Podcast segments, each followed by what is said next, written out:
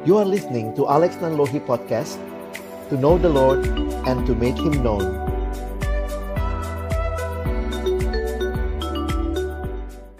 Kita bersyukur buat kesempatan malam hari ini. Dalam kesempatan untuk uh, webinar ini, saya mengajak kita kembali boleh berdoa sebelum membuka firman Tuhan. Kami akan membuka firman-Mu, bukalah juga hati kami, terangilah dengan rohmu yang kudus, sehingga kami boleh memahami apa yang menjadi kehendak Tuhan di dalam panggilan kami untuk juga membawa kebenaranmu, Injilmu di tengah dunia ini. Dalam nama Yesus kami berdoa. Amin.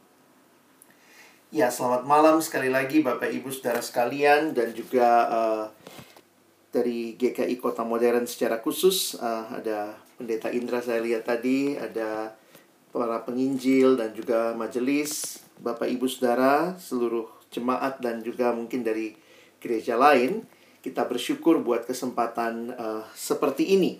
Ada kesempatan yang nanti kita bisa untuk berinteraksi dan sebelumnya saya akan memaparkan materi dan saya coba share screen saya. Baik, jadi malam hari ini kita bicara tentang misi dan millennials. Saya pikir memang penting untuk juga kita melihat masa depan gereja bahwa di dalam panggilan Tuhan bagi gerejanya maka kaum muda menjadi bagian yang penting. Tentunya 10-15 tahun ke depan gereja seperti apa bisa juga kita coba lihat dari bagaimana gambaran kondisi kaum muda sekarang.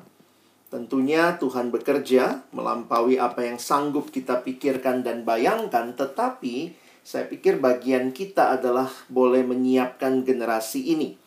Nah, ada beberapa fakta yang menarik. Saya mulai dengan beberapa fakta ini yang ada di dalam hasil survei dari bilangan research. Kita nggak bahas menyeluruh, saudara bisa nanti tanya atau lihat langsung ke website mereka. Tapi ini data-data yang menarik tahun 2021. Tentang anak muda, satu dari tiga anak muda Kristen Indonesia menganggap bahwa semua agama menyembah Tuhan yang sama. Wow. Ya, satu dari tiga. Nah, ini masih tentang anak muda. Satu dari empat anak muda Indonesia, anak muda Kristen Indonesia menganggap uh, bahwa perbuatan baik saja dapat menyelamatkan. Wah, ini juga jadi menarik untuk didiskusikan ya. Lalu ini lagi tentang anak muda Kristen. Satu dari empat anak muda Kristen Indonesia mendukung pernikahan beda agama. Wah, ini gimana kita bicara tentang misi dan milenial? Ada bagian yang saya pikir juga harus jadi perhatian kita. Jika memang benar hasil sedemikian. Lalu mari lihat gambaran umum. Ini bukan hanya orang mudanya, tetapi orang uh, Kristen secara umum ya. Hasil survei ini uh, cukup luas dilakukan di 33 provinsi dengan ada 1100 sekian uh, responden. Nah, saudara lihat hasilnya, satu dari dua orang Kristen, jadi ini bukan hanya orang muda, satu dari dua orang Kristen Indonesia tidak aktif memberitakan Injil di dalam uh, tiga bulan terakhir. Wah, saya harap bukan Bapak Ibu Saudara ya yang ada di Zoom uh, meeting malam hari ini. Lalu ini lagi tentang orang Kristen. Satu dari lima orang Kristen Indonesia menganggap bahwa penginjilan kepada teman adalah hal yang tidak baik. Mungkin karena kayaknya kesannya kok merusak relasi, begitu ya. Dan uh, ini yang terakhir lagi yang saya coba kutip ya. Ini beberapa data saja, masih banyak di website ataupun di Instagram mereka. Dua dari tiga orang Kristen Indonesia tidak aktif memuridkan orang lain dalam tiga bulan terakhir. Jadi, saudara, uh, tentu tema hari ini penting. Malam ini penting sekali temanya untuk kita pikirkan bagi generasi milenial, bahkan bagi gereja. Saya lihat juga yang hadir tidak hanya yang muda di sini, tapi pertanyaan penting apakah sudah kita bereskan PR-PR ini karena realitanya ada pemahaman-pemahaman seperti yang dipaparkan masih ditemukan atau menjadi fakta dari survei yang ada. Nah, Sehingga kerinduan kita, waktu kita berbicara topik ini malam hari ini, saya mungkin memberikan judul lebih sederhana ya. Bagaimana penginjilan dan pemuridan sebagai bagian tugas gereja itu boleh menjadi gaya hidup. Bukan hanya program. Jadi bedakan antara it's a lifestyle dengan it's a program. Nah, saya pikir penting untuk kembali kita menyadari. Kita mulai dulu dengan penginjilannya ya. Saya coba memaparkan beberapa bagian dari firman Tuhan. Nanti selebihnya Bapak Ibu bisa baca ayat-ayatnya. Saya juga bisa berikan slide saya kepada Bapak Ibu sekalian. Memahami berita Injil. Jadi kalau kita mau bicara penginjilan, gereja Tuhan mau menginjili, maka jangan lupa pahami berita Injil. Apa sih Injil itu? Secara sederhana kita sudah bisa mengatakan dengan jelas, sudah banyak yang tahu bahwa Injil adalah berita sukacita. Kabar sukacita tentang siapa? Tentang Yesus Kristus. Itulah kabar sukacitanya.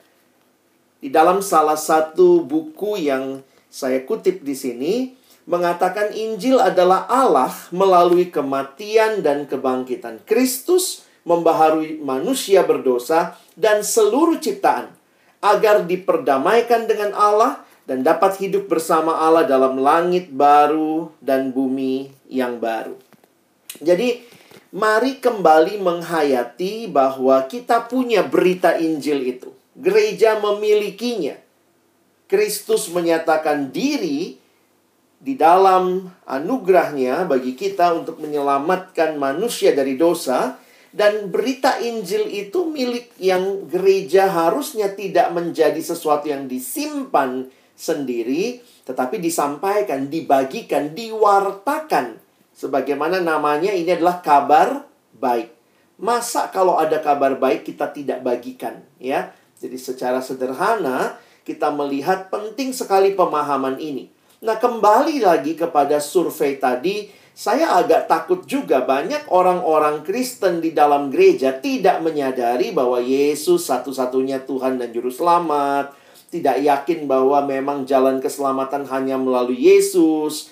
Dan kelihatannya di dalam dunia yang makin pluralis ini, termasuk juga belakangan masuk ke Indonesia, seolah-olah semua jalan membawa kepada keselamatan, tergantung kamu pegang yang mana. Kalau demikian, saya pikir we miss the point of what is the gospel. Kita kehilangan apa artinya Injil itu. Bahkan Paulus waktu salah satu bagian dalam kitab suci yang membahas tentang hal ini, saya mengutip 1 Korintus 15 ayat yang ketiga sampai ayat yang kelima. Paulus berkata, sebab yang sangat penting telah kusampaikan kepadamu, yaitu apa yang telah kuterima sendiri, ialah bahwa Kristus telah mati karena dosa-dosa kita sesuai dengan kitab suci bahwa ia telah dikuburkan dan bahwa ia telah dibangkitkan pada hari yang ketiga sesuai dengan kitab suci bahwa ia telah menampakkan diri kepada Kefas dan kemudian kepada kedua belas muridnya. Perhatikan istilah yang digunakan di sini. Yang sangat penting telah kusampaikan kepadamu. Gereja bukanlah tempat di mana kita hanya berbicara tentang berita ekonomi, berita tentang lapangan kerja. Gereja bukan social club. Di dalamnya terjadi interaksi sosial itu baik, tetapi gereja hadir dalam dunia untuk membawa Injil ini. Karena itu mungkin dalam dalam bagian yang lain saya pikir bagaimana Eh, kita semua ya yang ada di gereja, pendeta, penginjil, majelis, seluruh pengurus komisi ya, jemaat, kita memastikan bahwa betul berita bahwa Yesus satu-satunya Tuhan dan juru selamat itu terus diperdengarkan, terus diyakini dan kemudian hanya orang yang yakin yang bisa menyampaikan. Kalau nggak yakin gimana mau menyampaikan? Jadi saya pikir nanti dalam bagian yang lain program-program kita harus jelas menekankan tentang keutamaan Kristus. Apakah itu berarti kita tidak sensitif terhadap pluralisme agama yang lain? Saya pikir tidak ada itu istilah semua agama sama. Coba saudara pergi ke agama yang lain, terus bilang semua agama sama. Saya justru agak bingung. Belakangan orang Kristen yang malah seneng ngomong, iya kan semua agama sama. Malah dari kalangan Kristen yang ngomong begitu. Padahal yang lain aja bilang nggak sama. Sederhananya kalau sama, ayo kalau gitu jadi Kristen aja. Kan sama. Tapi waktu orang itu bilang, oh enggak, maaf, saya punya agama sendiri. Itu menunjukkan tidak sama. Jadi saya harap kita mendalami pemahaman iman kita dan bagaimana kita meyakininya dan kemudian nanti menyampaikannya. Jadi saudara jangan bicara misi penginjilan kalau saudara dan saya tidak punya berita untuk disampaikan. Dan berita itu sangat jelas. Di dalam Alkitab dipaparkan tentang Kristus, dia yang mati dan bangkit. Di dalam uh, penghayatan ini, pendeta John Stott uh, memberikan sebenarnya dia coba mensarikan bahwa memang betul seluruh hidup Yesus adalah Injil. Tetapi dari kalimat Paulus di 1 Korintus 15 ini, maka perhatikan yang sangat penting. Jadi kalau kita bicara penginjilan, biasanya apa yang disampaikan? Nah, Bapak Ibu perhatikan, kalau saudara belajar berbagai metode penginjilan, saudara akan melihat apa yang disampaikan. Maka biasanya berita intinya bukannya mulai dari kelahiran Yesus. Bukannya kelahiran Yesus nggak penting. Tetapi yang diberitakan dalam pekabaran Injil biasanya, nah John Stott menyimpulkannya begini. Ada dua peristiwa Injil, dua saksi Injil, dua peneguhan Injil, dua janji Injil, dan dua tuntutan Injil. Ya, coba kita lihat dua peristiwa Injil, kematian, dan kebangkitan Kristus. Two gospel events. Sekali lagi bukan berarti kematian apa kelahirannya nggak penting, kenaikannya ke surga tidak penting, karena tetapi dalam dalam waktu yang terbatas, maka lihat caranya Paulus mensummary tadi ya, yang sangat penting telah kusampaikan. Waktu saya coba merenungkan ini jadi menarik karena apa Saudara? Memang kematian dan kebangkitan Kristus itu yang paling membedakan kekristenan dengan semua kepercayaan yang lain. Jadi, se seorang penulis buku bernama Tim Chester bahkan mengatakan begini. Ketika pendiri-pendiri agama yang lain bicara tentang mengingat diri mereka, misalnya agama yang lain, kepercayaan yang lain, pendiri-pendirinya itu biasanya minta diingat ajarannya. Ingatlah aku pernah ngajar ini sama kamu.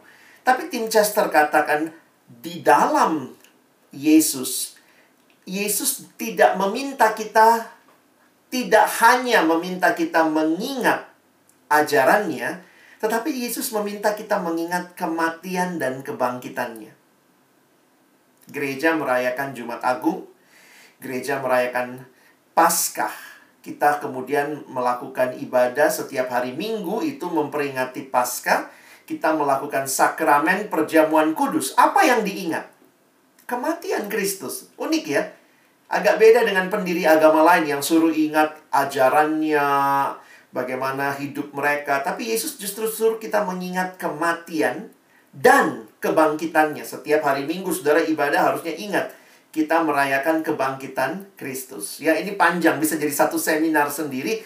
Tetapi saya ingin mengajak kita melihat gereja harus menegaskan, memberikan pemahaman mendasar kepada kaum muda. Siapa Yesus yang mati dan bangkit itu? Mengapa kematian dan kebangkitannya membawa perubahan? Dan ini disaksikan.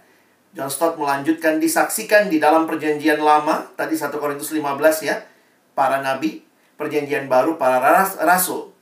Lalu kemudian dia lanjutkan ada dua afirmasi Injil. Nanti Bapak Ibu Saudara bisa lihat di kisah Rasul, Yesus adalah Tuhan dan juru selamat. Makanya KKR-KKR yang diadakan jelas tantangannya. Terima Yesus sebagai Tuhan dan juru selamat. Tidak bisa hanya sebagai Tuhan. Tuhan tapi juga juru selamat, juru selamat dan juga Tuhan.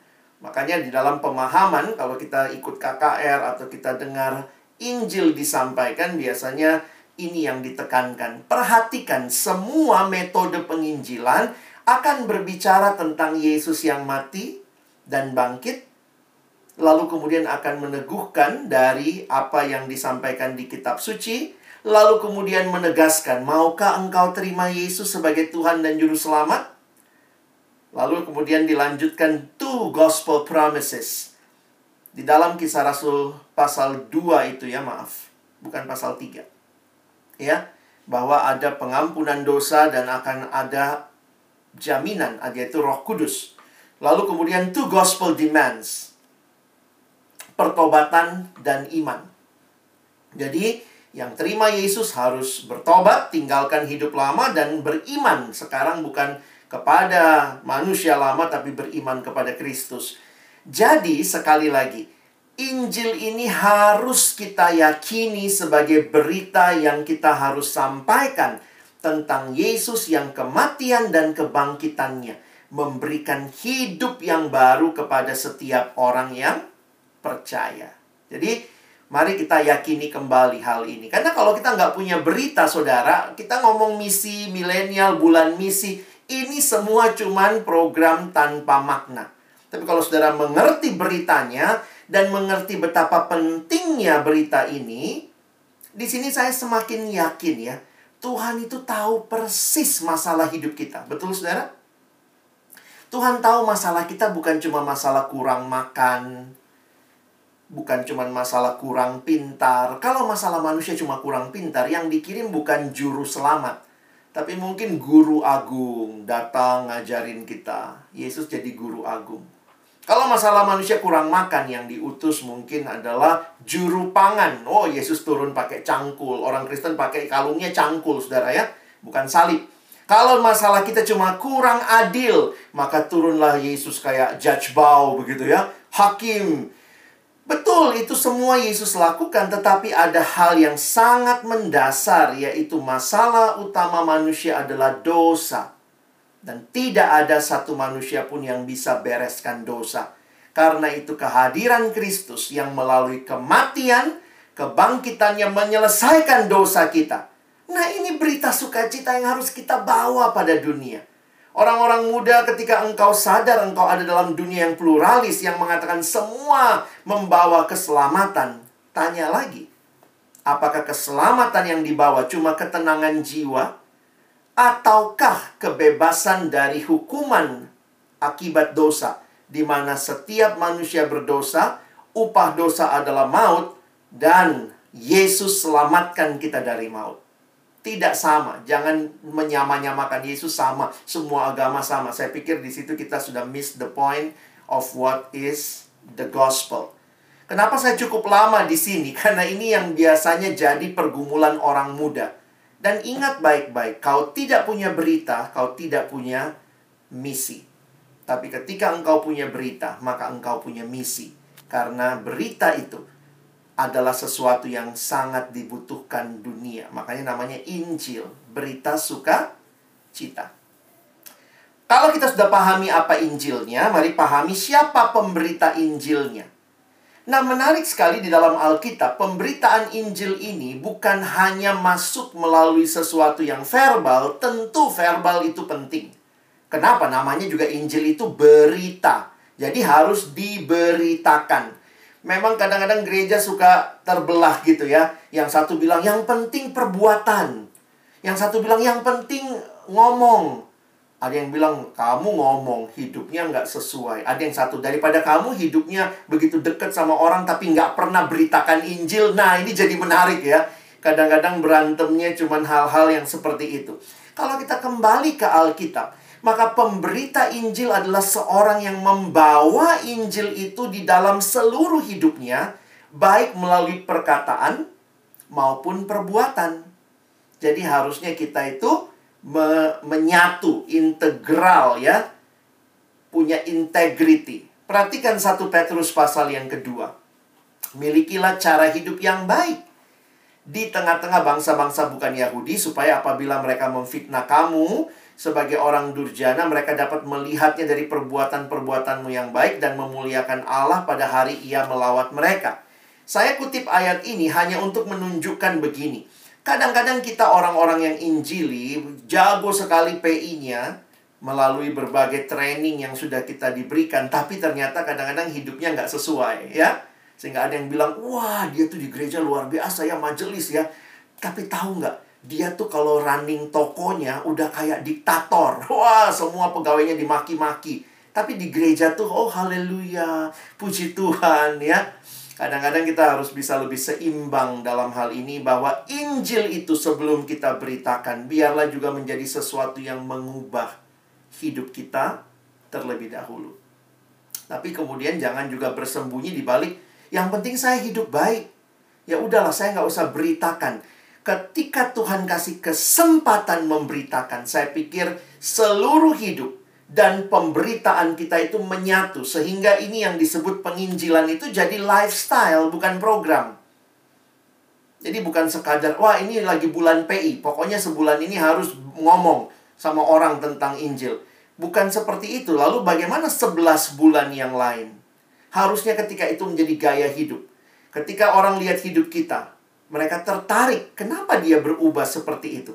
kita pun bisa menyampaikan tentang Kristus. Ketika Kristus disampaikan, biarlah juga orang melihat hidup kita yang telah diubah oleh Injil itu.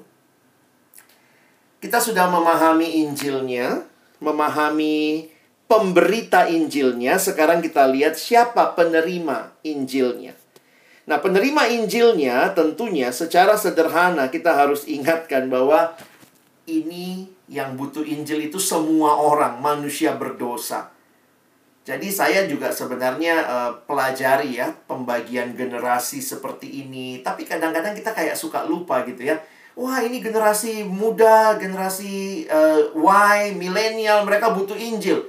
Enggak cuman mereka, semua butuh ya. Kenapa? Manusia berdosa kok semuanya ya. Jadi pembagian generasi ini membuat kita sebenarnya lebih sensitif di dalam mencoba menyampaikan berita yang dibutuhkan oleh semua generasi ini. Nah, di sinilah gereja perlu sensitif. Bahwa di dalam gereja tidak hanya ada satu generasi. Kira-kira kenapa? Ada kebaktian komisi remaja, komisi pemuda.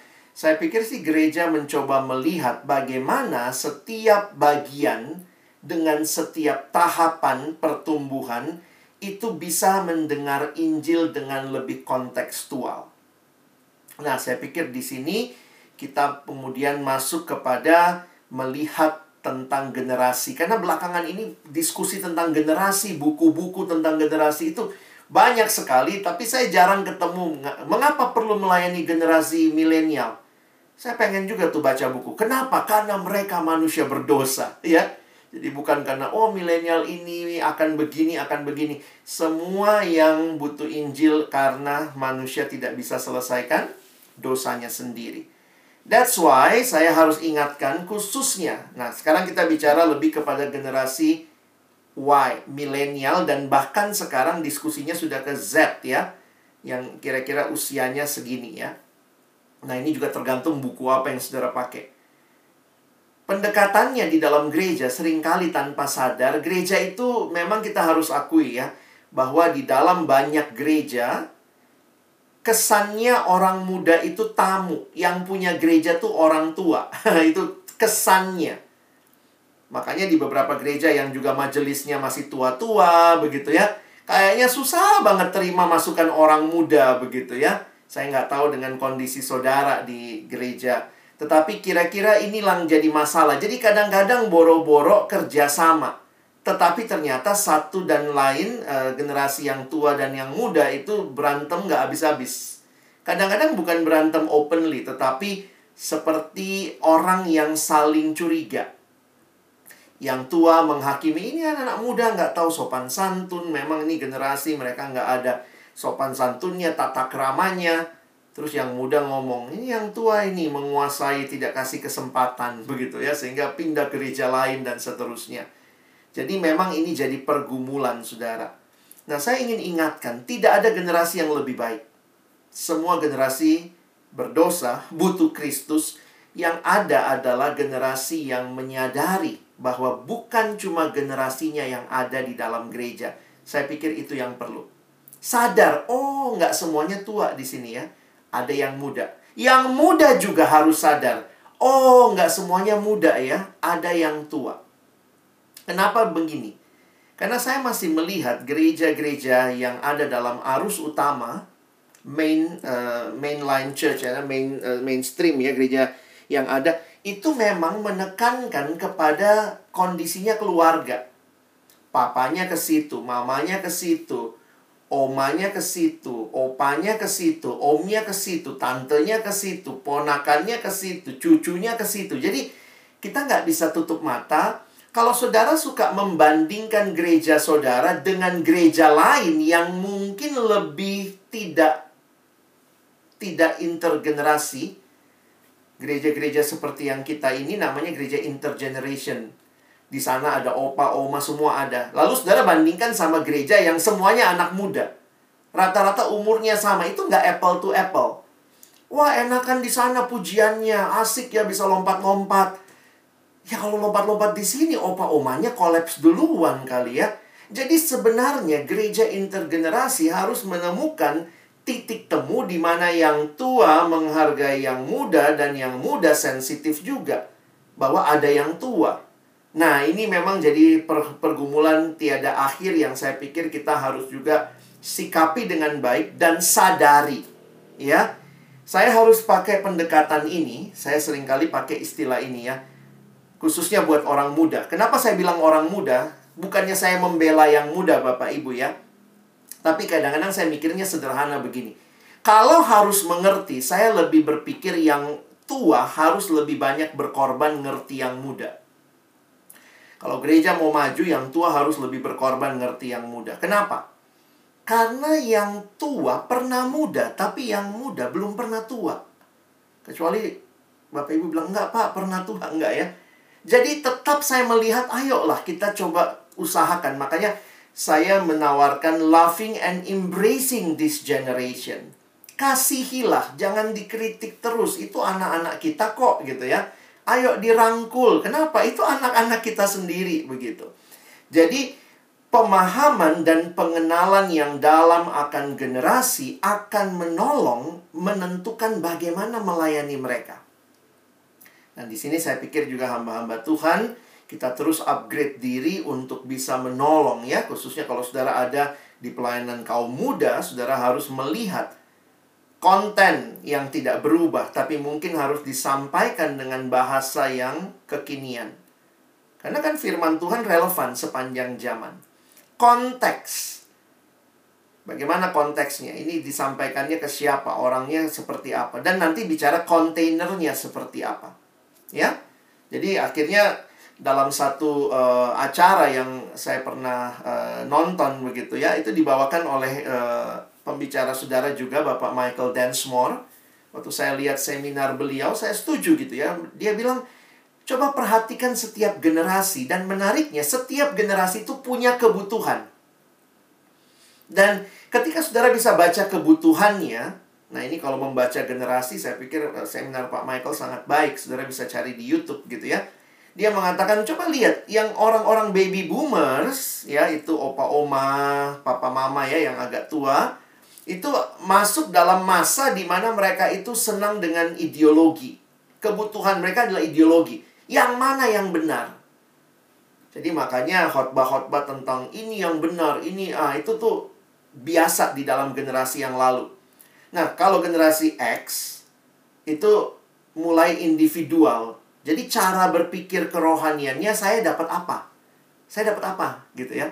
Sehingga bagaimana menyampaikan Injil kita pun harus ingatkan begitu ya keuntungan dalam Kristus. Nah, di Alkitab itu semua spektrum ini sebenarnya ada jawabannya.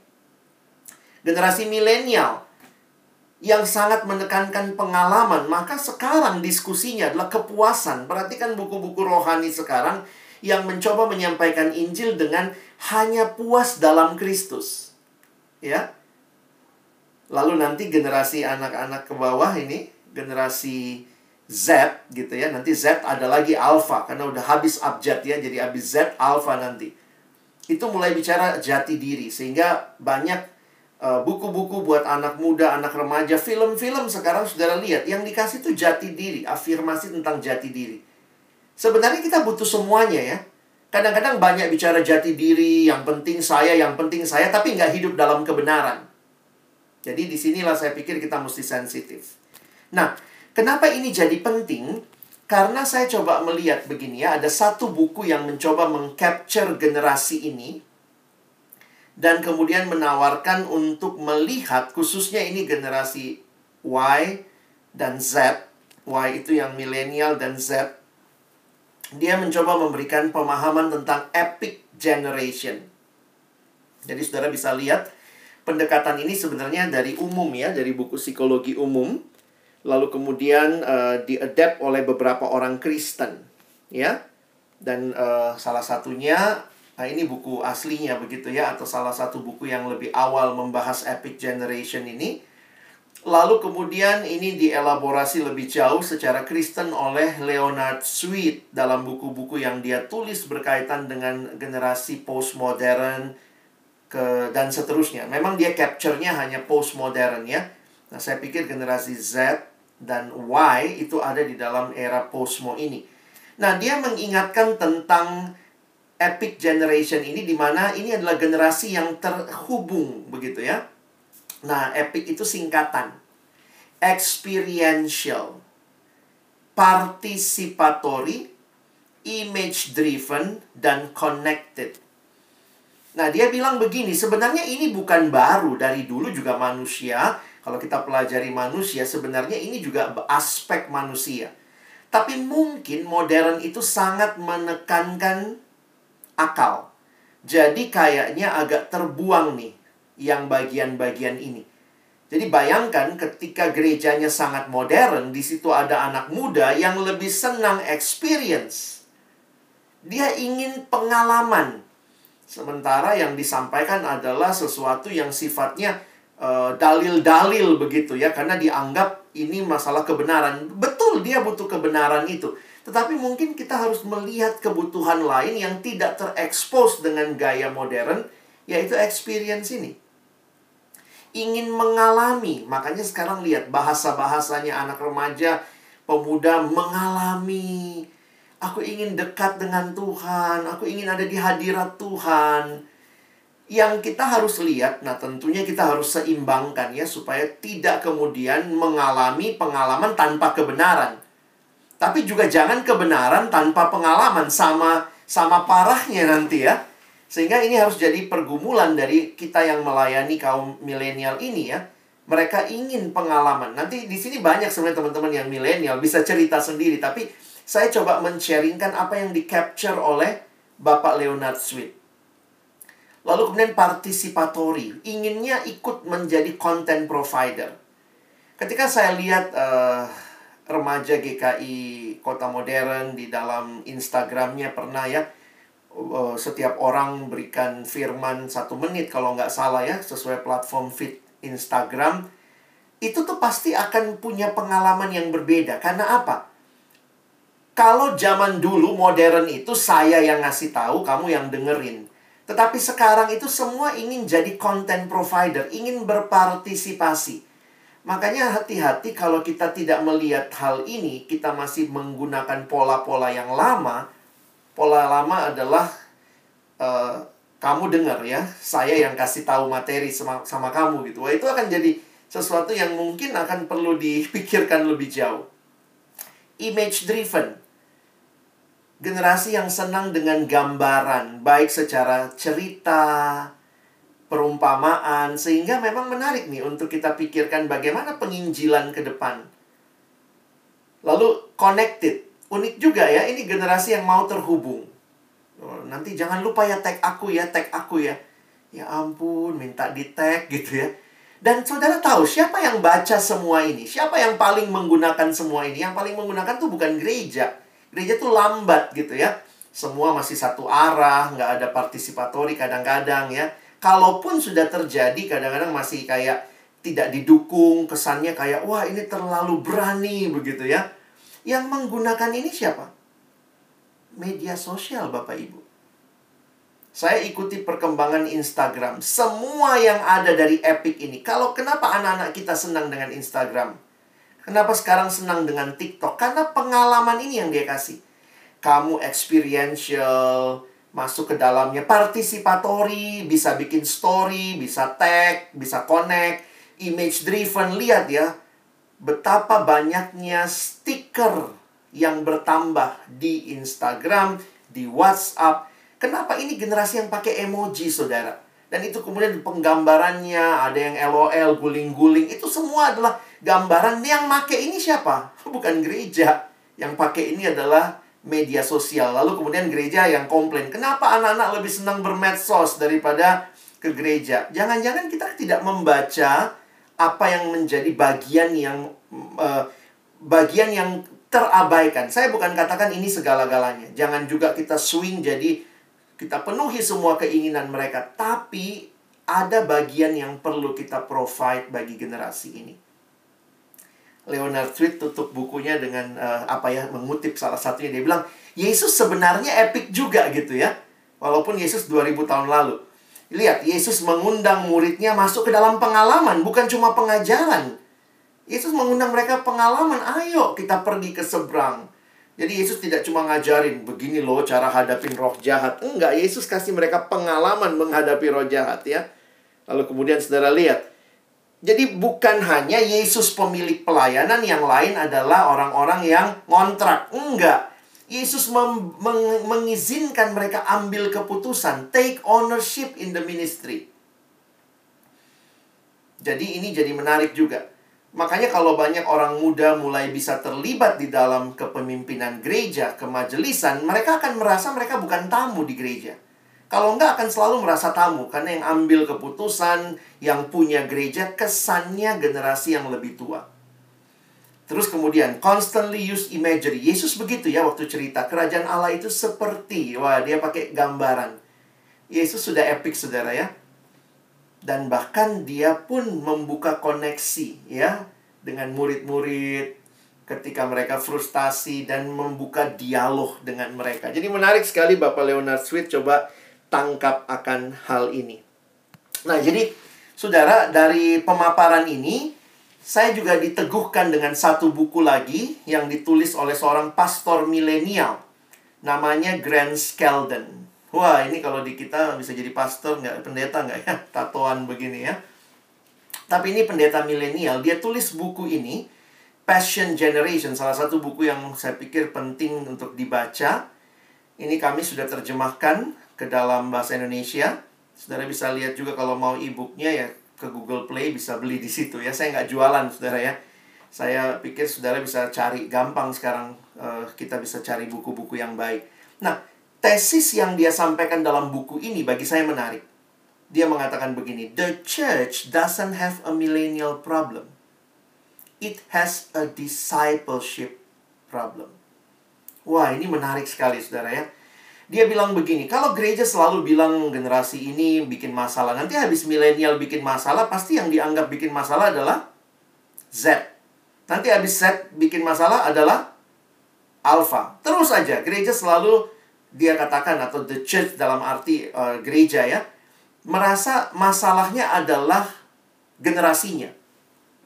Tapi dia menawarkan kalau kamu orang-orang yang tua tidak mau anak-anak itu jadi orang yang tidak sopan, tidak bertanggung jawab, kenapa kamu tidak muridkan mereka? Wah, ini jadi menarik ya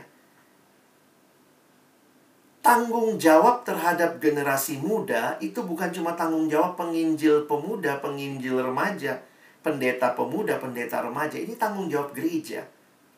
Jadi bahkan dia menawarkan apakah pemuridan di gereja berjalan dengan baik ketika generasi yang sebelumnya terus menginvestasikan hidup mereka kepada generasi-generasi sesudahnya. Dan dia dia menyoroti sebenarnya ya bahwa gereja kadang-kadang banyak program tapi tidak menciptakan murid. Maksudnya apa? Makanya saya lihat dalam buku ini dia kasih pemahaman lebih utuh tentang pemuridan ya. Dia membedakan, Bapak Ibu bisa lihat gambar uh, ini ya. Mentorship. Kalau kita lihat misalnya orang yang di mentor, sekarang kan berkembang ya banyak sekali mentorship di dalam dunia bisnis, manajemen juga coaching-coaching mentorship. Tapi mentorship itu sebenarnya polanya come and meet with me. Kita janjian setiap minggu ketemu orang itu, ya nanti saya mentor dia. Gereja butuh mentorship. Tapi di sisi lain, most of church events kebanyakan dari acara gereja come and listen to me.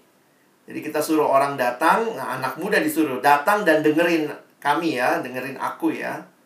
Tetapi pemuridan kalau mau pakai pola Yesus, Yesus menarik sekali. Karena pemuridan itu bukan program. Tapi come and follow me. Ayo ikut aku, masuk ke hidupku. Jadi Yesus memuridkan bukan dengan pola mentorship, tapi ya hidup bersama ya, kira-kira seperti itu. Nah, makanya bagi saya yang paling sederhana harusnya keluarga-keluarga Kristen menjadi tempat orang dimuridkan pertama kali ya. Tapi lebih jauh lagi, mari pikirkan bagaimana pemuridan antar generasi bisa terjadi. Paling tidak ada koneksi. Yang tua menginvest hidupnya ke yang muda. Kadang-kadang investasi sederhana, makan bersama, dengerin cerita mereka, menemani mereka melakukan sesuatu, coba ngajarin apa yang mungkin kita miliki. Jadi ada cerita dalam buku ini, ada seorang anak muda datang sama pendetanya, "Pak pendeta, muridkan saya."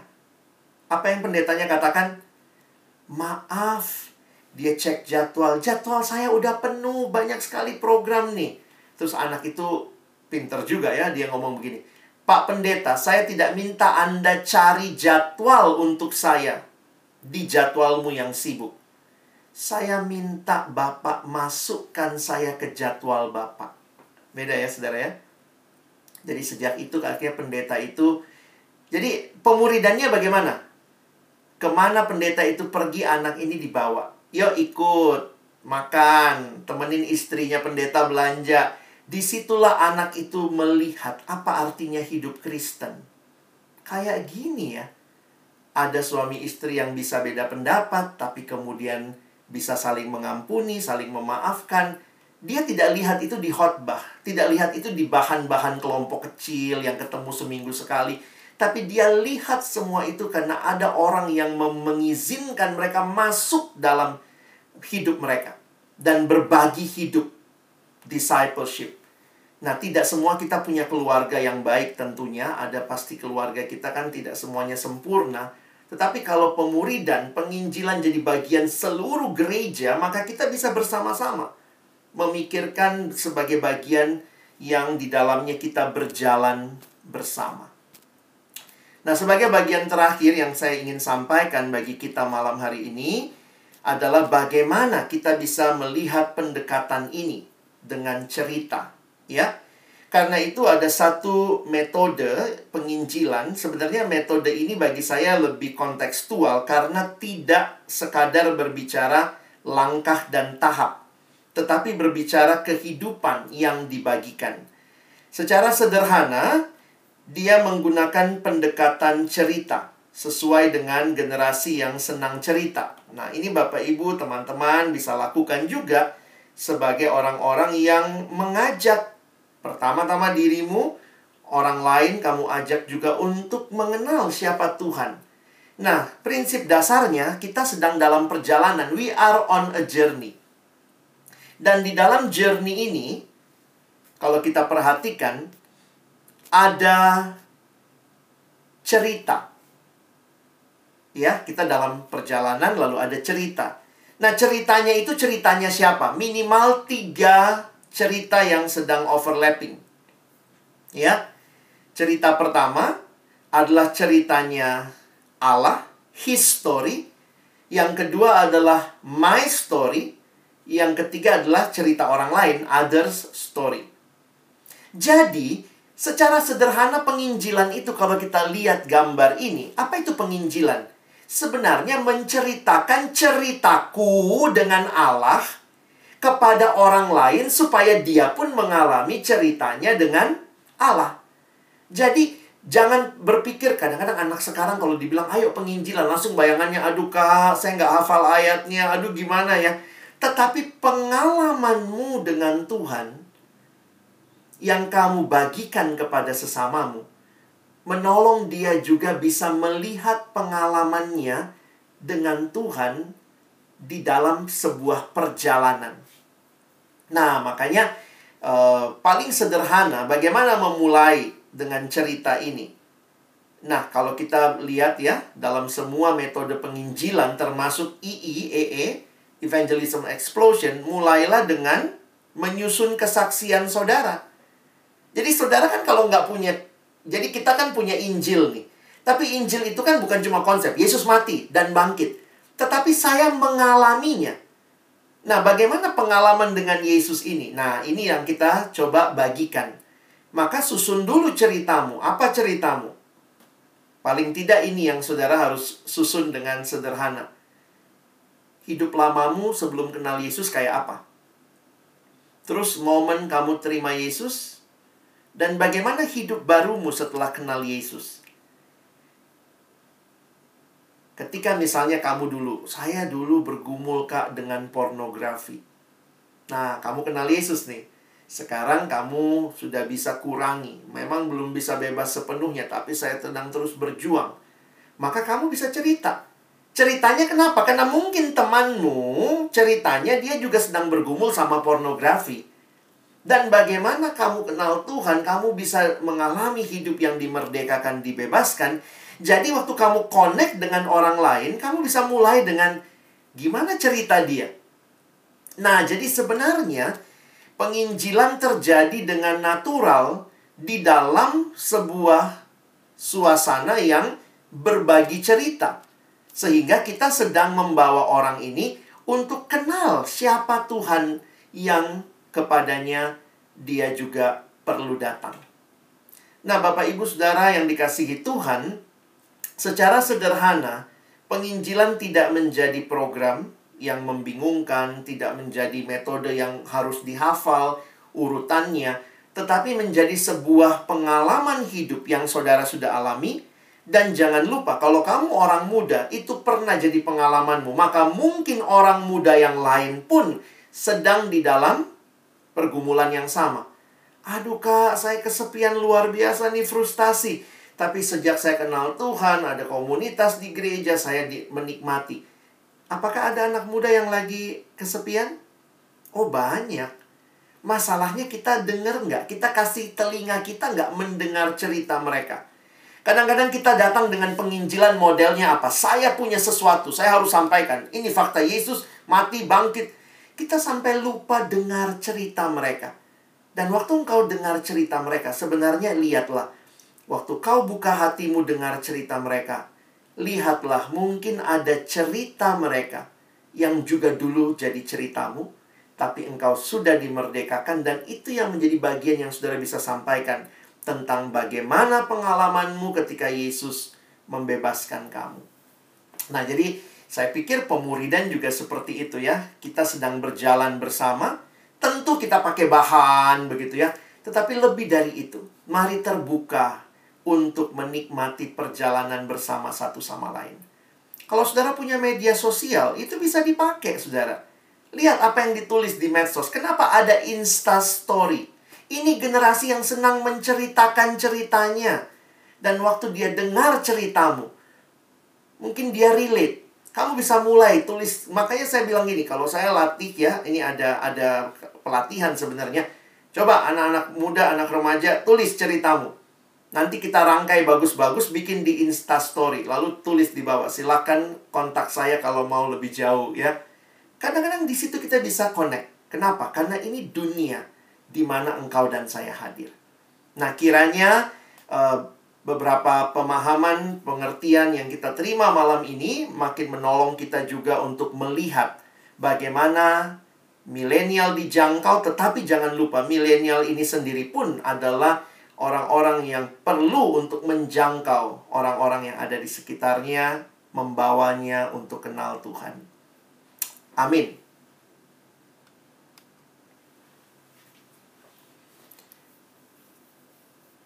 Saya kembalikan kepada okay. materi yang sangat baik dan kompleks di saat yang bersamaan ya.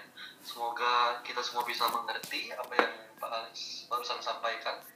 Dan saat ini sudah masuk beberapa pertanyaan kepada yeah. saya dia. Akan saya bacakan satu persatu ke Alex dan bisa langsung dijawab ya pertanyaannya. Boleh, baik. Oke. Yang pertama, bagaimana cara kita menginjili anak muda yang cenderung free thinker dan pluralis, sedangkan ketika kita membawa Injil yang sifatnya absolut, maka ini menjadi perseteruan yang keras dengan target yang cenderung menganut freedom of thinking. Apakah efektif jika kita hajar dalam tanda kutip mereka yang karakteristiknya seperti ini dengan Injil yang absolut? Silakan dijawab, Kak Alex. Thank you. Saya sekali lagi harus katakan bahwa kita punya agenda, termasuk berita yang mau kita sampaikan. Tetapi mungkin perlu juga kita dalam penginjilan masa sekarang adalah penginjilan, makanya yang lagi berkembang itu penginjilan yang apologetis.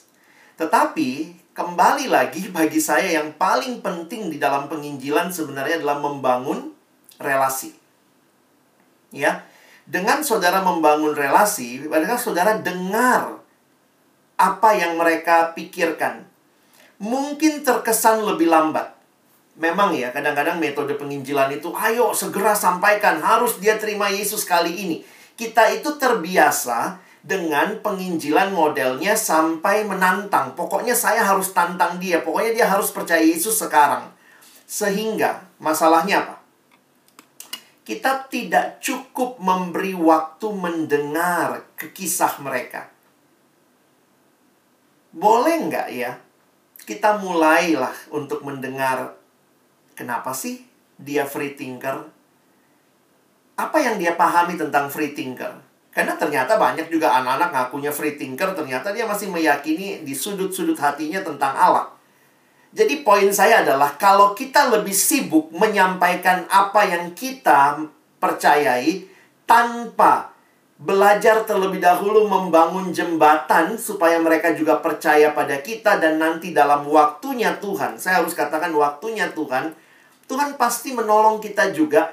Kalau saya teman dengan Wendrik misalnya ya, saya akan bisa ngomong.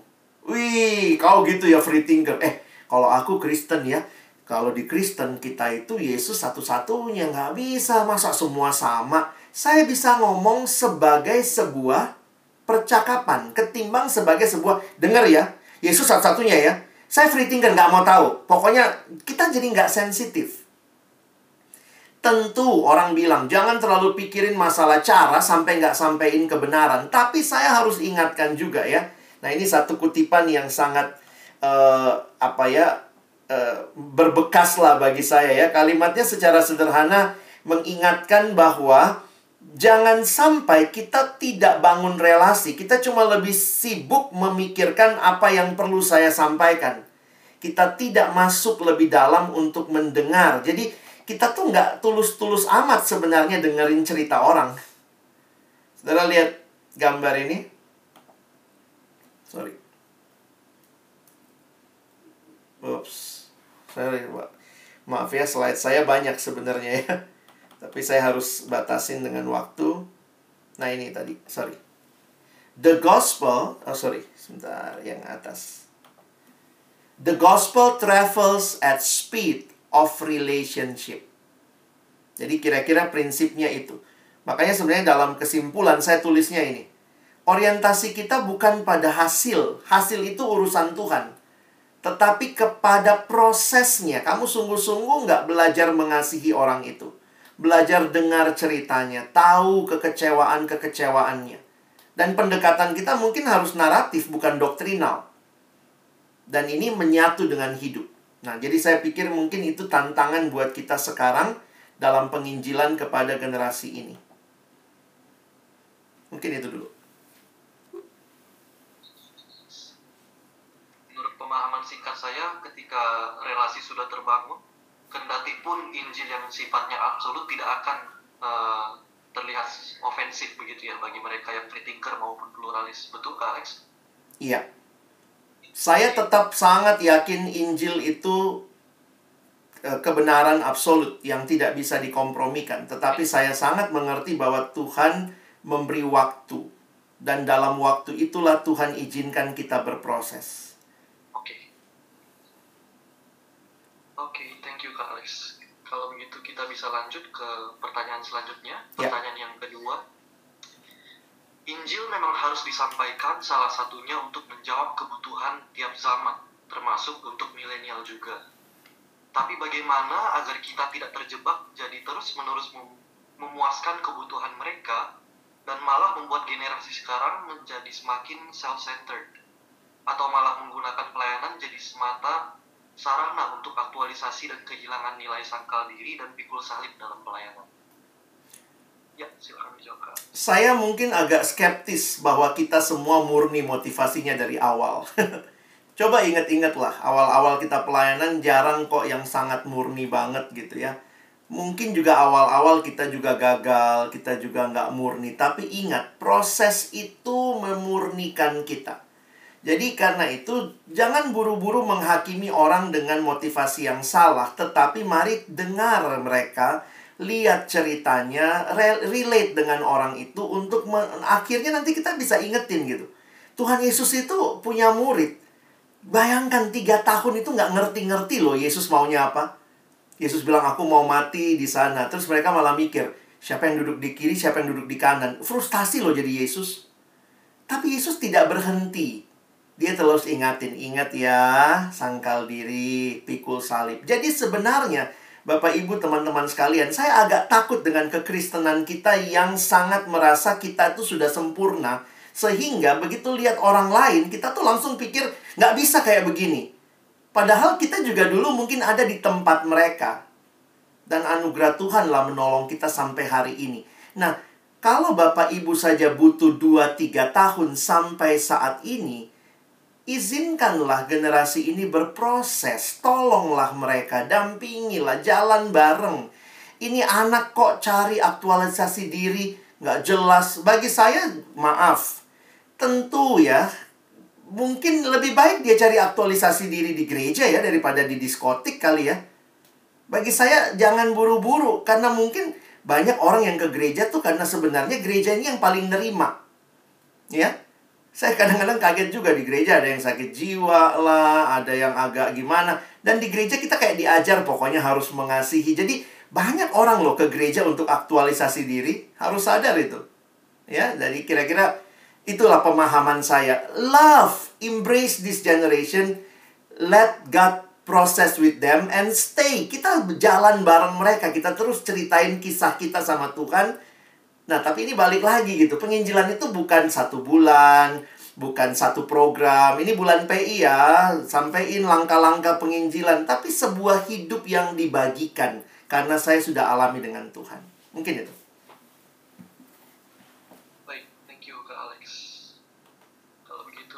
selanjutnya mm-hmm.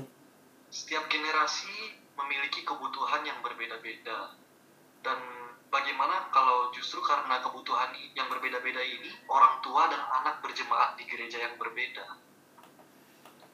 Ya, silahkan dijawab Alex. Saya pikir kita harus melihat sebenarnya kita mau seperti apa. Itu ada pilihannya sama kita sekarang. Termasuk juga pilihan kepada gereja saudara. Apakah GKI adalah gereja di mana uh, base-nya adalah family church? Ini gereja keluarga. Jadi maaf kata, saudara bukan GPCC. Dibandingkan sama itu ya nggak klop gitu ya. Lagunya, lampu-lampunya. Kita nggak bisa, maaf saya sebut merek karena ini kan sudah sangat umum ya. Saya juga pernah dengan teman-teman dari GPCC kita satu uh, webinar. Mereka jelas segmennya mereka tidak punya pelayanan lansia sekarang. Mungkin 10-15 tahun lagi ada. Saudara ada lansia. Ada lanjut usia dan segala macam. Kita mesti berpikir mau seperti apa. Nah karena itu sejak awal kasih pemahaman bagi orang muda. Paling tidak begini ya. Anak-anak itu baru pergi ke gereja lain itu biasanya SMP atau SMA. Sebenarnya masa-masa sekolah minggu mesti diajarin tuh ya orang tua di rumah, guru sekolah minggu, gereja harus punya policy untuk nolong kita tuh gereja bersama ya. Makanya saya juga harus ingatkan beberapa penginjil atau uh, sorry bukan penginjil, beberapa dosen-dosen teologi ya untuk kaum muda sebenarnya agak melihat juga gereja itu memisahkan segmentednya kadang berlebihan kadang-kadang pemuda remaja, saya nggak tahu ya kalau di gereja saudara pasti lebih baik menurut saya. Tapi di beberapa gereja lain yang terlalu besar, itu anak remaja itu nggak pernah ikut kebaktian umum. Nggak ada tuh kebaktian yang digabung. Jadi anak remaja tuh gerejanya selalu tersendiri. Bahkan anak remaja itu ada yang nggak tahu siapa pendetanya. Karena yang dia ketemu selalu penginjil kaum mudanya.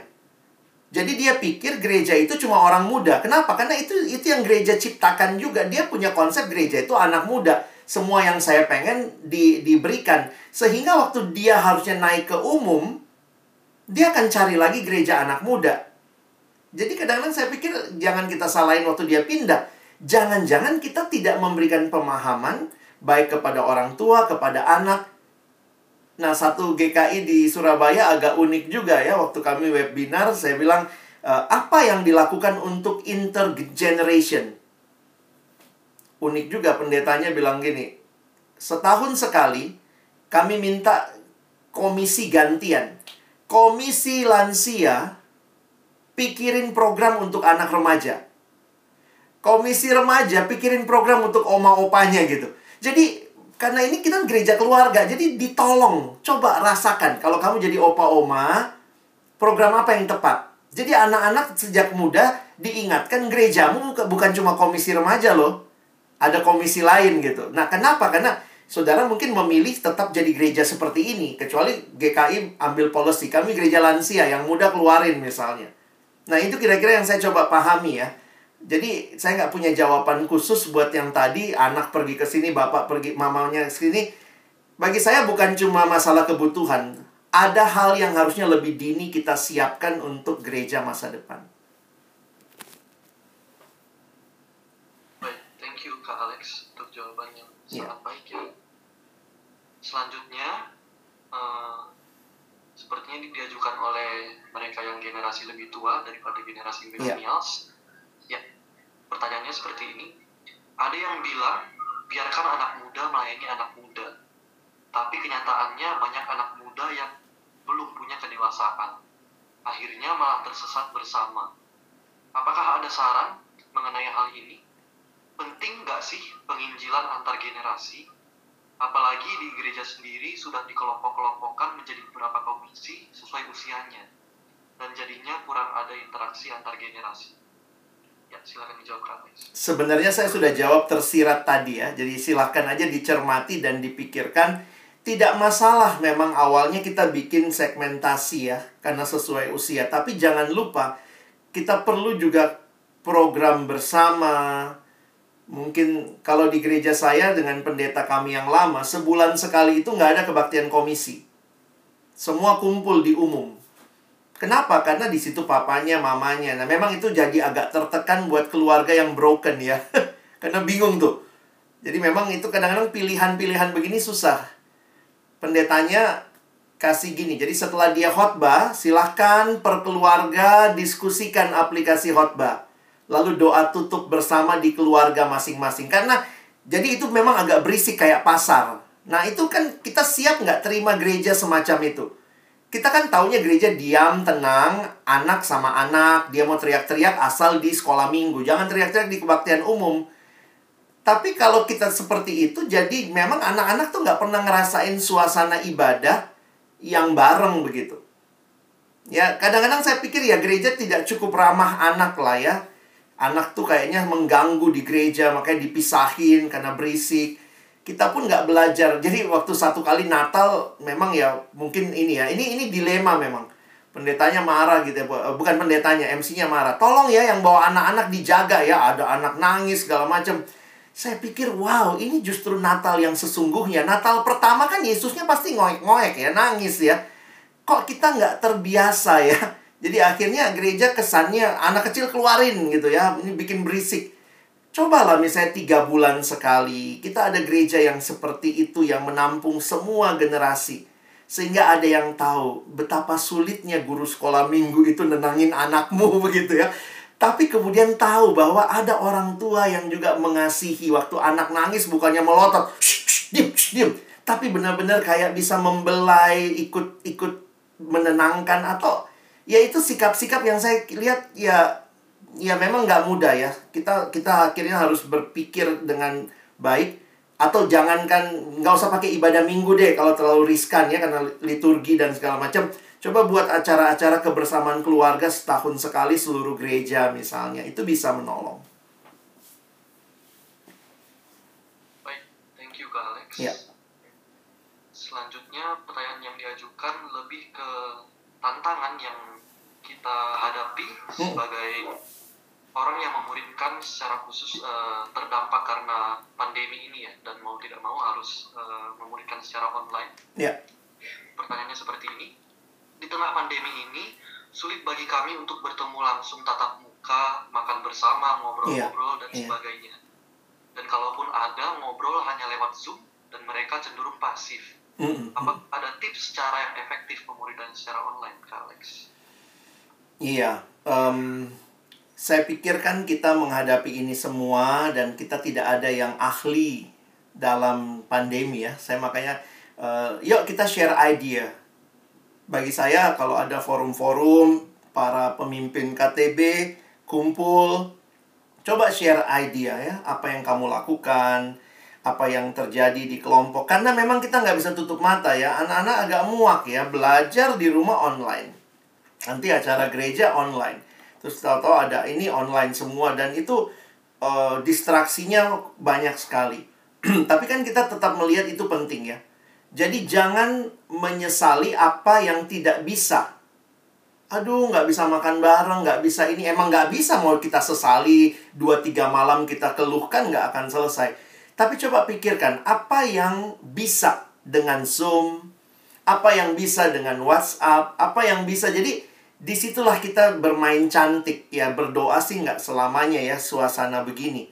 Tapi kalaupun kita sekarang harus bergumul dengan situasi, maka eh, bagi saya gini ya, kelompok kecil itu kuncinya relasi kok. Dan relasinya itu yang harus kita maintain. Sebenarnya dengan berbagai teknologi relasi bisa kita maintain. Kita bisa tanya, sebenarnya kan gini ya, biasanya kelompok kecil yang seminggu sekali, sekarang bisa tiap hari, tanda kutip. Tiap hari tanya kabar, ada yang mau didoain nggak? Kan sebenarnya bisa begitu ya. Bahkan saya lihat eh, satu waktu ada anak yang kontak saya, Kak Alex, ada yang bisa kami doakan? Terus waktu itu ya udah saya eh, kirim doa ya, eh, ini yang mau didoakan. Agak lama dia balesnya gitu ya. Padahal saya udah kirim pokok doa gitu ya. Terus jadi saya mikir nih, oh, anak nanya tapi kok gitu ya. Eh tapi saya kagum, tiba-tiba nggak lama dia ini. Dia kirim ke saya voice notes. Itu cukup menyentuh ya. Jadi tiba-tiba begitu dia kirim voice notes, mari Kak Alex kita berdoa. Lalu dia doain saya, seorang anak muda doain saya lewat voice notes gitu ya. Wah, bagi saya saya pikir iya ya. Mungkin nggak bisa tatap muka langsung atau apa, tapi maksimalkan aja apa yang ada. Misalnya, ketika kita eh, jadi gini, beberapa pemimpin kelompok juga mesti kreatif ya. Ini susahkah anak-anak tuh bosen atau apa? Ya mungkin pembelajarannya dibalik kalau sekarang model flip classroom ya. Jadi misalnya teman-teman ada podcast bagus nih. Saya lihat nih kalian punya podcast bagus kan? Wah ada podcast bagus kemarin atau eh, pendeta Indra bikin eh, ini ya di YouTube-nya gitu. Kamu bisa aja bilang teman-teman besok kita KTB ya. Tolong dengerin dulu punyanya Ko Indra. Nanti di KTB kita cuma satu jam diskusi selesai atau cuma setengah jam. Jadi jangan nambah lebih panjang. Kadang-kadang juga orang tua nggak ngerti. Dari pagi depan laptop sampai malam depan laptop. Apa ngapain sih gitu ya? Gereja mah gereja, ah gereja mulu gitu ya. Jadi kadang-kadang saya pikir kita mesti coba me- melakukan hal-hal yang lebih kreatif. Termasuk juga eh, pertemuan-pertemuan yang lebih kreatif. Beberapa orang diam, kenapa? Saya lihat karena kita nggak tepat juga bertanya. Maksud saya begini loh. Kadang-kadang kita bertanya pertanyaan-pertanyaan yang nggak membuat orang mau jawab gitu. Teman-teman ada yang mau di-sharingkan? Nah, kalau pertanyaan begitu kan saya juga nunggu. Tunggu aja siapa yang sharing duluan. Teman-teman ada yang mau di-sharingkan? Gimana cara sharingnya ya? Coba pikirin dong gitu ya. Nah, gimana pikirinnya? Nah, ini saya kasih contoh ya. Saya pernah nanya sama anak remaja, ada yang mau di-sharingkan, diem semua. Terus ini kan generasi apa? Driven, image driven. Saya kasih gambar. Teman-teman, adik-adikku, kira-kira yang mana yang menggambarkan perasaanmu minggu ini? Pilih nomornya. Wih, langsung tuh di kolom chat. Aku bilang minimal dua ya. Wah, aku nomor 5 sama satu kak. Jadi waktu mereka jawab, karena mereka connect dengan gambar, ini generasi mereka, sesudah itu saya enak nanyanya. Misalnya, Wendry, kenapa pilih nomor satu? Udah nggak bisa ngelak dia. Eh, bosen kak, lagi bosen. Jadi beda ya kalau saya bilang, teman-teman ada yang mau sharing? Sampai tua juga nggak sharing dia. Kenapa? Itu tidak memancing mereka. Itu tidak partisipatori. Itu adalah satu arah, one direction. Nah ini semua harus dipelajari kalau kita mau melayani generasi ini karena ini adalah bagian-bagian yang saya juga apa Kak Alex belajarnya di mana? Saya lihat juga orang kalau lagi webinar gitu ya, apa yang dia lakukan misalnya. Satu kali saya kasih gambar ini. Apa kabarmu hari ini? Kamu yang nomor berapa? Cuma boleh pilih satu nomor ya. Mereka lihat gambar ini terus kemudian, "Ah, aku nomor ini, Kak." gitu. Nanti udah tanya, "Kenapa kamu nomor itu?" Jadi jangan jadi misalnya setelah pelajari hari ini misalnya ya setelah malam ini teman-teman makin yakin nggak Yesus satu-satunya Tuhan dan Juru Selamat? Kalau di IG kan ada pilihan yes atau no. Ya udah suruh mereka yes atau no, habis dia pilih yes atau no baru tanya reasonnya gitu. Misalnya ya. Jadi semua itu bisa dipelajari, jangan habis akal. Saya tuh nonton YouTube cari apa. Kenapa? Ini lagi pandemi dan nggak ada dari kita yang sudah expert. Saya S3 dalam bidang pandemi. Kita mesti belajar. Mungkin itu ya.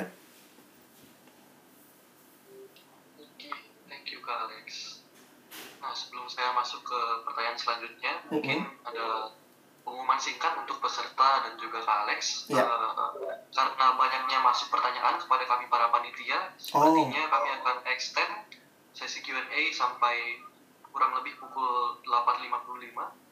Apakah Kak Alex oke untuk itu juga ya? Ya, saya no problem. Jadi kurang lebih sekitar ada 7 menit lagi Kak Alex. Baik, baik. Saya jawab lebih singkat aja kali kalau ada pertanyaan yang penting banget. Ah ya, baik.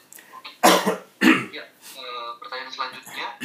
Nah, ini agak out of topic sebetulnya Kak Alex, Ya. tapi eh, tetap dianjurkan oleh panitia untuk saya menyampaikan pertanyaan ini karena menarik nih. Jadi, pertanyaannya bagaimana PI ke generasi anak-anak berkebutuhan khusus atau special needs, misalnya anak-anak autism. Eh, si penanya berkata, saya jarang sekali dapat referensi atau seminar PI membahas tentang anak-anak berkebutuhan khusus. Iya. Ada teman-teman kita, rekan-rekan hamba Tuhan yang belajar khusus akan hal itu. Jadi saya tetap melihat bahwa setiap orang butuh Injil, termasuk anak-anak berkebutuhan khusus. Caranya, polanya, bagaimana menyampaikannya, saya pikir berita utamanya tetap sama, tetapi bagaimana menyampaikannya, nah mungkin eh, Bapak Ibu bisa cari referensi kepada saudara-saudara kita yang khusus membahas itu. Saya secara pribadi tidak menguasai itu. Jadi saya pikir eh, ada teman-teman yang memang belajar khusus. Em, paling tidak saya tahu satu orang lah ya. Dan saya nggak tahu yang lain, tapi eh, itu cukup bisa eh, menolong lah ya eh, jadi referensi. Mungkin bisa coba cari juga di YouTube ya, secara khusus yang eh, tapi banyak yang berbahasa Inggris untuk anak berkebutuhan khusus saya nggak punya kapasitas menjawab karena nggak nggak punya pengalaman di situ. Oke, thank you Kak Alex. Selanjutnya, eh, apakah mentor benar-benar bisa memberi contoh berbagai macam metode penginjilan dalam proses real dan mendampingi si murid sampai bisa penginjilan? Mungkin eh, kalau saya sederhanakan, apakah perlu ya adanya mentor dalam hal penginjilan, Alex? Sebenarnya mentor yang saya maksud tadi juga termasuk dalam buku-buku yang saya baca dan pengalaman saya mementor orang itu bukan sekadar program sih. Jadi benar-benar misalnya eh, ya di dalam proses tentunya ya. Termasuk juga kita bukan orang yang sangat sukses, tidak pernah jatuh dalam dosa, sangat super secara rohani. Bukan itu sebenarnya proses yang harusnya dilihat oleh mereka. Jadi saya pikir proses mentoring yang baik seiring berjalannya waktu kita jadi teman perjalanan. Di mana mungkin juga mentornya yang lagi lemah, lagi jatuh. Tentu dalam kedewasaan anak kita mesti tahu juga ya kalau dia masih baru dia sangat look up sama kita jangan langsung ngakui semua kegagalan kita karena belum tentu dia siap. Tetapi seiring berjalannya waktu, orang ini harus tahu bahwa mentornya juga manusia. Yang mungkin bisa gagal, bisa marah, bisa jatuh, tetapi arahkanlah dalam semua pergumulan itu ada Tuhan. Nah, makanya jangan menjadikan mentor sebagai berhala yang kayaknya kalau dia gagal saya juga mau tinggalin Tuhan. Dia aja gagal. Kita mesti melihat melampaui itu. Jadi mentor yang baik membawa anak yang dimentor makin melihat Tuhan, bukan makin melihat sekadar dirinya. Jadi kalau ditanya butuh, saya pikir butuh. Karena apa? Karena di dalam kekristenan, hidup menghasilkan hidup. Tuhan pakai hidup Paulus bagi Timotius. Makanya Bapak John Stott dalam satu khotbah perpisahannya, wah itu sangat mengharukan waktu di akhir khotbahnya dia bertanya begini. Setiap kita harus bertanya di dalam perjalanan iman kita. Who is my Timothy? Siapa Timotiusku? Yang kepadanya saya menginvestasikan hidupku dan dia melanjutkan kerohanian ke depan. Nah, saya tambahkan, buat kita yang muda jangan cuma tanya who is my Timothy, tapi tanya who is your Paul? Siapakah Paulusmu yang akan menemani perjalananmu? Mungkin itu. Thank you Kak Alex. Jadi sepertinya sosok sosok mentor tetap dibutuhkan, tetapi tetap yang paling dibutuhkan adalah kehadiran Tuhannya sendiri. Ya? Betul. ya. Oke, okay, mungkin ini bisa menjadi pertanyaan terakhir sekaligus uh, boleh menjadi uh, konklusi untuk Kak Alex juga nanti ya, kalau mau disampaikan. Ya, dari materi yang telah dipaparkan, bagaimana Kak Alex melihat hal ini dalam pelayanan Kak Alex di Perkantas dan bagaimana pelayanan di Perkantas berubah dari zaman ke zaman? Iya. Terima kasih. Saya jadi dikondisikan. Kenapa? Karena memang pelayanan perkantas, kalau Bapak Ibu yang belum tahu, persekutuan Kristen antar universitas. Kami melayani mahasiswa dan juga kami punya pelayanan siswa. Jadi Bapak Ibu bisa membayangkan bahwa saya terus ketemu orang muda. Saya terus ketemu orang muda. Jadi ketimbang berharap mereka jadi seperti yang saya mau, saya belajar juga melihat kebutuhan mereka, lalu kayak belajar menginvest waktu buat mereka dan itu semua butuh uh, ya seperti Paulus kali ya. Saya sadar nggak mudah sama sekali nggak mudah. Karena saya juga merasa saya makin tua. Kadang-kadang mereka ngomong apa saya udah nggak nyambung Bapak Ibu. Tapi makanya benar ya seorang misionaris bilang gini, melayani kaum muda itu seperti pelayanan lintas budaya. Apa itu? Ya kita mesti pelajari bahasanya. Sama kayak misionaris dari luar negeri datang, dia mesti belajar bahasa Indonesia. Kalau saya mau menjangkau orang muda sementara saya makin tua, saya mesti belajar bahasanya. Saya dulu nggak tahu, uh, mari kui. Kui itu apa gitu. Ternyata itu yuk gitu ya. Halo ngap. Ngap. Apa ngap gitu ya jadi kalau kita tidak belajar bahasanya sementara kita ada di situ dan masih Tuhan kasih beban melayani, saya pikir kita harus terus beradaptasi. Jadi saya sangat dikondisikan untuk terus beradaptasi. Tapi saya juga sadar saya harus jadi otentik. Nah, saya lihat ini generasi yang butuh otentisitas dan saya juga pelajari memang di hadapan Tuhan kita butuh otentik. Saya makin sadar dengan usia yang makin tua, saya nggak bisa selamanya sok muda. Benar ya Bapak Ibu ya? Jadi misalnya ya, saya punya teman dalam pelayanan sudah usia 60 masih melayani siswa. Masih dipanggil kakak, tetapi dia sadar, dia bilang gini, "Saya hadir buat siswa sekarang mungkin bukan lagi kakak. Ada masa dia jadi ibu. Sekarang masanya dia jadi oma." Jadi, bagi saya itu otentik. Kalau saudara tetap di pelayanan anak muda, saudara nggak perlu Misalnya teman saya dengan usia 60 tiba-tiba pakai jeans ketat jadi anak muda, pasti orang anak anak mudanya pun lihat ih, jijik, nenek-nenek gaul gitu ya. Tetapi dia hadir sebagai oma yang otentik, yang kenal Tuhan dan mau mendampingi siswa, bagi saya itu mereka lebih look up. Nah, ini pengalaman saya akhirnya di perkantas, saya pun makin senior, siswanya terus makin muda, saya belajar untuk otentik saja. Beberapa orang panggil saya bukan kak lagi. Udah, ya om, aduh. Tapi ya itulah realitanya. Mungkin saya seumuran papa mereka gitu ya. Jadi waktu dia bilang om ya saya cuma dulu saya marah gitu. Jangan panggil om dong, panggil abang, kakak biar lebih muda. Tapi saya sadar bahwa jangan sampai saya juga lupa saya pun makin tua. Nah, connect dengan generasi ini tidak mesti membuat saudara jadi harus lupa diri, tetapi mari dengan kasih dari Tuhan. Selama Tuhan percayakan pelayanan ini, mari bagikan itu. Berjalanlah bersama mereka.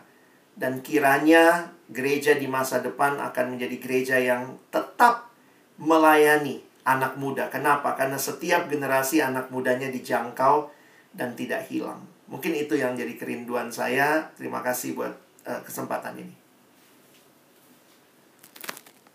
Baik, sekali lagi terima kasih Kak Alex Sama-sama. untuk pemaparan materi yang sangat baik ya dan juga setiap jawaban-jawaban yang diberikan juga to the point sepertinya. Ya,